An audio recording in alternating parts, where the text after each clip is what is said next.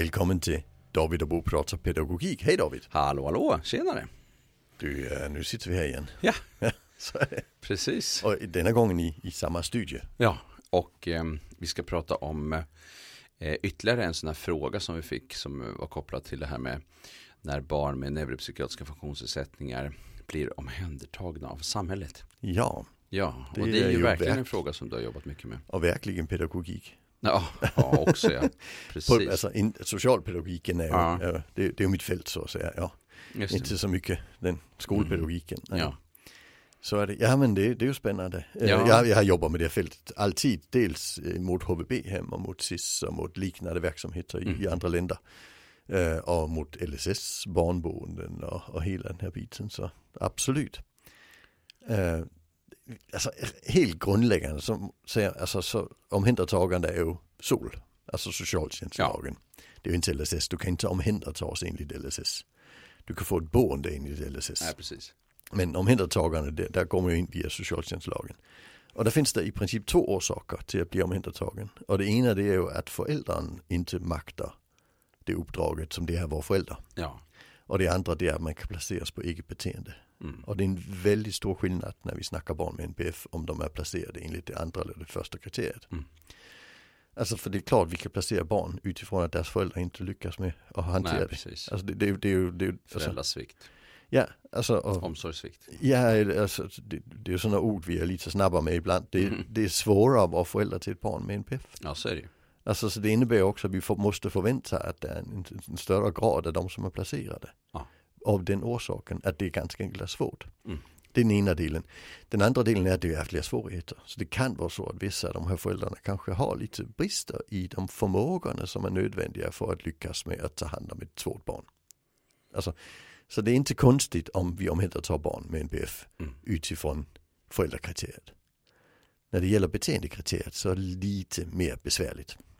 Och orsaken till det är att vi har några, två eh, eh, beslut från det som är i högsta förvaltningsdomstolen heter det idag. Eh, från 2010 som sa att man får inte bli omhändertagen på bakgrund av beteende som har sin grund i diagnosen. Ja men det menar man ju inte i diagnosen utan i det som kännetecknar diagnosen. Ja. Så vi kan inte placera ett barn med För att ADHD för att han inte ADHD-symptom. sitta still. Nej, det, det funkar liksom inte. Och och, och det, det betyder när, den, när de två domarna kom så börjar man ju skriva de här omhändertagande pappren lite annorlunda. Eh, och där, där börjar man skriva att eh, beteendet har ingen rot i, i diagnosen. Fast, fast det var den typen av beteende som att man Mm. inte lyckas i sociala sammanhang med, med autism och så. Mm. Men att, att socialsekreteraren då bedömer att det går ut över det som andra med autism har för det annars lyckas man inte riktigt placera. Mm, mm, mm. Men det betyder att vi har faktiskt massor med placeringar på bakgrund av beteende som man inte skulle placeras för. Mm.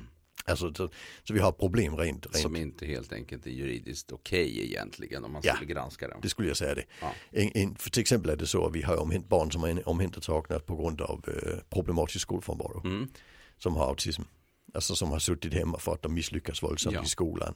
Och sen går man in och gör ett LVU. Och det, Mm. det bör man ju såklart inte göra. Mm. Alltså för näst, väldigt övervägande del av de som, som har problematisk skolfrånvaro under väldigt lång tid har autism. Mm. Och det grundar sig i den typen av svårigheter i krasch med en skola, Ja. clash med skolan. Eh, och då kan vi inte använda det verktyget som är LVU. Eh, det, det funkar, det är inte, det är inte okej. Och jag har träffat på dem till och med de sitter på SIS. Alltså SIS vet ju inte vad fan ska vi göra med honom. Liksom. Alltså, det finns ju ingen, alltså man har inte kompetensen Mm. att, att ta hand om det. Och det är väl egentligen det som är det SIS viktigaste. är Statens institutionsstyrelse Ja. för den som inte Ja precis, där vi har ungdomar inlåsta Ja. eh, på beslut kan man säga av Mm. eh, socialsekreterare och i ett omhändertagande beslut av, av domstolen. Men det, det intressanta tycker jag det är att om vi då säger att i bästa världar har vi bara placeringar på bakgrund av föräldrakriteriet. Så får vi ändå säga det, eller hur? Ja. Mm. Eh, då är det fortfarande så att det, ska, det vi erbjuder vara bättre än föräldrarna. Mm. Annars är det helt meningslöst. Nej, precis. Eh, och, och det kan jag tycka att, Och då är frågan, är det så? ja är det så? Mm. Ibland placerar vi ju, alltså den, klassiska placeringen i Sverige det är ju en familjehemsplacering. Mm. Eh, och, och det är ju en icke-professionell placering på det viset att vi, vi placerar hos en familj som får betalt men de får inte, det är ju inte ett jobb. De får, de får ett, ett vederlag som innebär att de, eh, alltså att, att, ja, att, att de får lite tillskott ekonomiskt och sen gör de en samhällsviktig uppgift. Eh, de har ju sällan någon utbildning i detta. Nej. Så vi kan ju liksom inte förvänta att de går in och gör ett professionellt arbete. Sen har de ju stöd. Eh, oftast bättre stöd än föräldrarna erbjuds. Ja, det är ju intressant om det är så. Och, Det är men sen har vi ju också föräldrar som det. nekar erbjudande. Men, Ja, men, mm. eh, men, men, men det det, är klart, finns alla möjliga varianter. vi har det ju ett större ansvar för det barn vi har placerat, alltså kommunen har det. placerat, så vi måste det. erbjuda bättre stöd. Ja, Alltså så är det bara, allt annat hade ju varit ett våldsamt svek. nej Alltså, precis. Ja, det, det är klart vi måste, och, och det, det kan man raljera lite över, men, men så är det ju. Det är inte konstigt. Eh, och, och lyckas vi med det, då, då, då är det ju helt okej. Mm. Alltså, det är inga, det är inga problem. Det, det, är inte, det är inte så att placeringen kommer att vara bättre för barnet än om det inte är placerat. Alltså all den forskning vi har visar ju att, placering är komplicerat. ja men alltså man kan säga att vi har två grader av forskning. Den ena är den stora forskningen, registerforskningen. Den Ja. visar att det går ju inte sämre för de barnen som inte placerades, eh, till exempel syskon till de som blev placerade. Nej, Det går faktiskt sämre för de som placerades. ja, Men sen säger folk, men han kanske hade större problem Ja, själv och det var precis. därför. Ja, men om vi tittar på, eh, på de, alltså där finns en forskningstradition som eh, bygger på att man tittar på det sista barnet som placeras. Och det gör man genom att titta på eh, socialsekreterare placerar olika många barn. Så har vi en som placerar 10 om året i genomsnitt och en som placerar 30 om året i genomsnitt. Men de är, jobbar i samma stadsdel. Mm.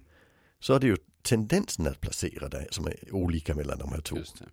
Och när man då jämför de som kom, alltså de, hur går det för de barnen? Där ser man att det går generellt sämre för de som blir placerade av en socialsekreterare som placerar fler Mm, än från de som placerar färre. Och det innebär inte att vi kan uttala oss om den som båda hade velat placera. Men vi kan uttala oss om de som den ena inte hade velat placera. Nej. Och de hade det gått bättre om, bättre om inte de hade placerats. Så det är väldigt komplext att placera. Eh, Men, men funkar det bra så må- måste vi ju förhålla oss till att det är en del av det samhällets uppdrag och det gör vi. Alltså så är det. Men vad gör vi om inte det funkar? Nej, precis. Då blir det ju riktigt komplicerat. Mm. Eh, Och börjar vi någonstans i en familjehem, ett familjehem och sen kraschar det där för det blir för svårt. Där nästa steg det är ett HVB-hem. Mm.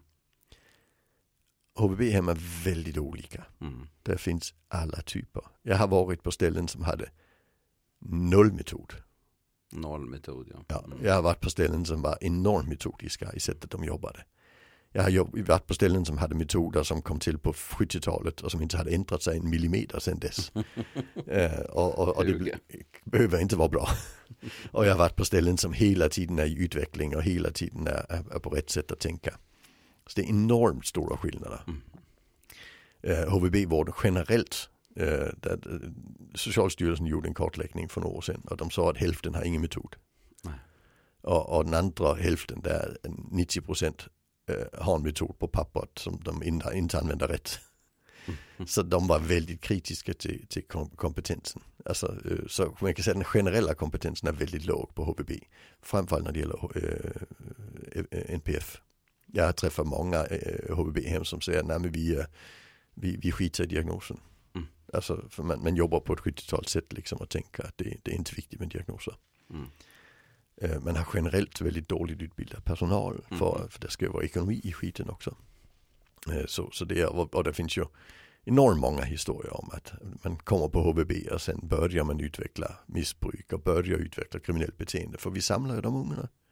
Mm. Alltså i olika åldrar på samma ställe liksom. Just det, precis. Mm. Så, så, så jag, jag, jag skulle säga att där behöver vi verkligen vara bättre på att, alltså på att jobba med det. Och det finns ju, det finns ju bra stöd. Det finns en, en bra bok av Jenny Linde och Annika An- Karlsson. A- Anneli Karlsson. Anneli Karlsson, ja. Mm, mm. Som När heter samhället eh, tar över. När samhället tar över, ja Ja. precis. Och den handlar just om hur, hur- alltså det är en metodbok för placering. Hur ska man Ja. tänka organisatoriskt, hur ska man tänka kring metoder och så vidare. Som är just ren inriktad på NPF. Och, och den är jättebra. Och eh, det finns, jag vet ju, det finns verksamheter som, som har en plan för detta och som jobbar bra idag. Vi har professionaliserat HVB lite grann i alla fall senaste åren. Eh, och, och det är bra. Men, men det finns väldigt, väldigt mycket som inte är jättegenomtänkt också. Nej, Alltså, det får jag säga. Så, Mm. Och problemet här det är ju att NPF-kompetensen finns inom LSS. Och per definition har man ju inte NPF när man är placerad in i SOL. Nej, Men hälften de vi placerar in i SOL har ju har NPF. ja, har NPF. Ja. Och där är kompetensen för låg. Absolut. Mm. Alltså därför skulle jag säga att, att vi, måste, vi måste verkligen öka NPF-kompetensen in, inom, inom Ja, SOL. verkligen. Och både även, både eh, inom handläggningsnivån och, handläggningsnivån och även nivån ut. Alltså vi måste öka, öka nivån ut på HVB. Ja, och och även när vi inte pratar om barn och ungdomar utan eh, eh, vuxna. Oh ja. Eh, och alla de verksamheter som finns där, även inom så att säga Missbruksvård. Missbruksvård och ja. eh, även frivillig vård och eh, eh, Jag jobbar en del med, med, med det vi kallar den tunga missbruksvården idag. Eh, Det, det är inte tolvstegsprogrammet direkt Mm, utan det, det är folk som åker in och ut och så vidare. mm, Och där är NPF ju regeln. Ja. Det är i princip inga som inte har ganska Nej. stora svårigheter. ja, jag har Autism är ju jättevanligt där. hemlöshetsboenden som jag eh, handleder och så. Det, det behövs jättemycket NPF-kompetens. Ja, Det, det är väldigt svåra situationer man hamnar i ofta förstås. ja precis. Mm. Om sen eh, HBB kraschar, Ja. då är sista nivå ju SIS. Då är det SIS ja. Ja. Eh, och där har vi ju haft väldigt mycket Mycket problem. Alltså Ja. dels eh, har skandaler det varit mycket diskussion år. om att det finns väldigt, alltså alldeles för lite eh, NPF-kompetens. Eh, många som jobbar där har uttryckt att eh, klientelet har förändrats. Ja, det är ganska eh, roligt. De Mhm. senaste kanske 10-20 åren. Mhm. Att man tycker inte att det är lika mycket social problematik och att det är mer NPF liksom och Ja. autism och annat. Och, och det, Sen ju, kan man ju fundera på. det är ju generellt i samhället Ja. att vi har börjat om, omvandla social problematik till NPF. Vi har Mm. börjat beskriva det på det Det viset. beskriver på Det är troligen de samma ungdomar. Kan vara det. Ja, men Mm. vi får lite andra glasögon på och då blir det Ja. kanske lite svårare. Och då eh, går det inte att använda de gamla idéerna om ouppfostrade ungar som är på glid och allt vad det är för Nej, och det är ju jäkla ha- bra för de var ju inte bra. N- eh, Nej, precis. Så det, krä, alltså det, det som krävs av sist nu det är ju en, eh, en professionalisering kring NPF. Ja. Eh, och, och, och där organisationen har ju inte ställt upp på det riktigt kan man säga. Eh, jag har varit involverad i SIS, och, i SIS kritik ganska mycket senaste åren. Och jag har jobbat med, med SIS som är också danska motsvarighet till SIS i, i 20 år. Eh, och, och det vi ser det är ju att, att, att, att man, man har det uppfostrade synsätt Mm. som grund. Mm. Och sen lägger man på lite NPF-kunskapsfernissa här och var. Men sen är det i perioder gör vi NPF-avdelningar och i perioder plockar vi bort dem och sen förlorar vi kompetensen och sen får vi, vi måste vi bygga upp den igen. Och så ingen, ingen som helst eh, system kring det och väldigt dåliga resultat. Mm. Alltså de som kommer dit är ju i princip, det, hamnar du precis får du räkna med ett liv i utslag, eh, som utslagen. Det, det, det, det, det är regeln mer än undantaget. Så, så behandlingseffekten är, är jättedålig. Jättedåliga. Ja. Eh, och eh, problemet där det är att man har några befogenheter att använda till exempel inlåsning och man använder våld för att låsa in Mm. barn där. Och vi har en, Maria Fogel gjorde en, en, en kartläggning för Childhood eh, nyligen eh, där hon ju kunde visa att alltså, ungefär 1300 fall av olagligt våld på SIS på 1100 platser om året. Mm.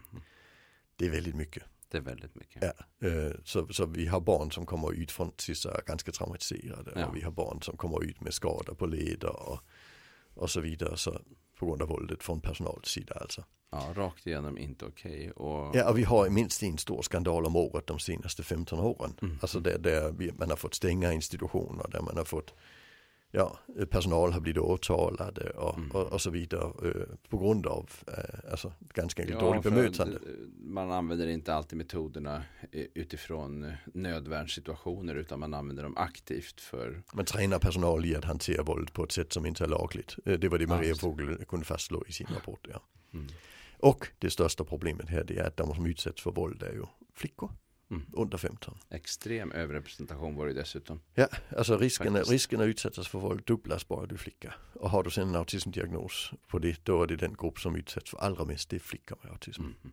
Så, så utgångspunkten där är ju att det, det här, det gör vi inte bra. Eh, Framförallt kring NPF. Eh, Och de säger att ungefär 500 av de här våldsincidenterna rör ju några få barn. Alltså 10 barn eller något. Mm. Och alla de har autism. Mm. Eh, Så jag skulle ju säga att när vi snackar om hur, när vi ska vi omhänderta barn med NPF. Jamen, alltså är det så att vi har ett, ett fullkomligt kaotiskt hemmaliv och vi bedömer från samhällets sida att vi måste omhänderta. Det är klart vi ska. Men vi ska fan med göra det bättre än vi gör idag. Mhm. Alltså vi ska se till att det är autismkompetens och ADHD-kompetens Mm. dit de kommer. Ja.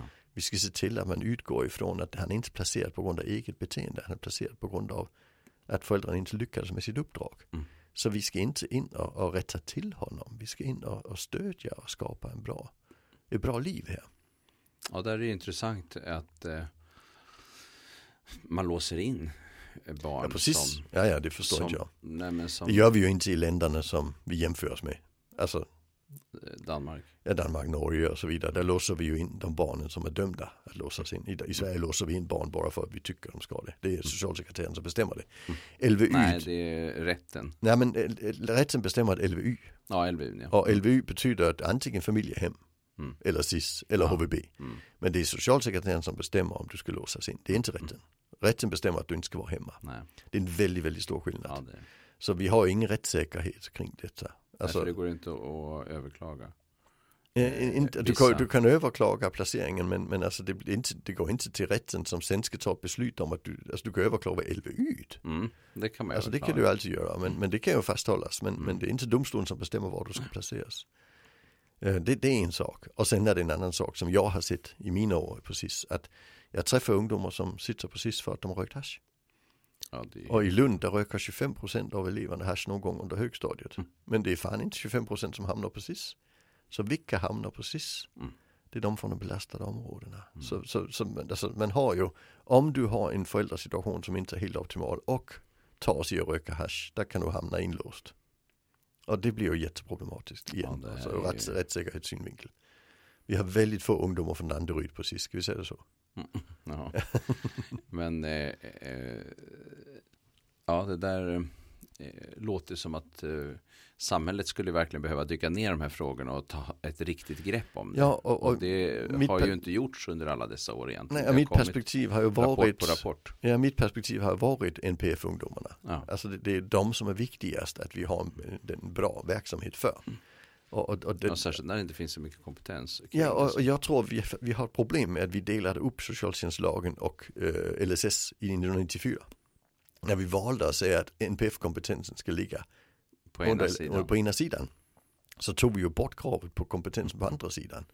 Och det innebär att i det ögonblicket vi vill använda eh, tvång för placering. Alltså då, då har vi inte kompetensen, inte ens en frivillig placering Nej. om den placeras enligt SOL. Nej. Och, det, och, och LSS kan du bara placera frivilligt om vissa särskilda kriterier är uppfyllda. Och det är väldigt svårt att upprätthålla en placering av ett barn.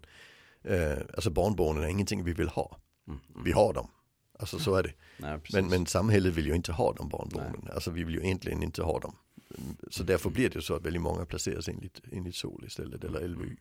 Jag tycker det är, alltså frågan NPF och placering är svår. Alltså framförallt kompetens. Ja, det, den är ju helt avgörande. Det krävs ju en Mm. enorm satsning och det krävs ju skolans värld också. Det vet vi ju i förskolan. Ja. För att eh, det har ju tydliggjorts gång på gång. Eh, Så det skulle ju vara intressant med just alltså utbildning för, eh, för HVB-personal i autism Mm. och ADHD skulle ju Mm. vara något som jag Helt. vet inte om man skulle få så många kunder men man skulle, det är ett stort behov i alla fall. behovet är gigantiskt. ja, Ja, eh, det, det får vi ju säga. mm. Mm. Ja, vi eh, rundar av denna viktiga fråga. Den lär återkomma också. Eh, Absolut. Eh, någon gång framöver. Mm. Ha det så gott. Kära. Hej. Hej.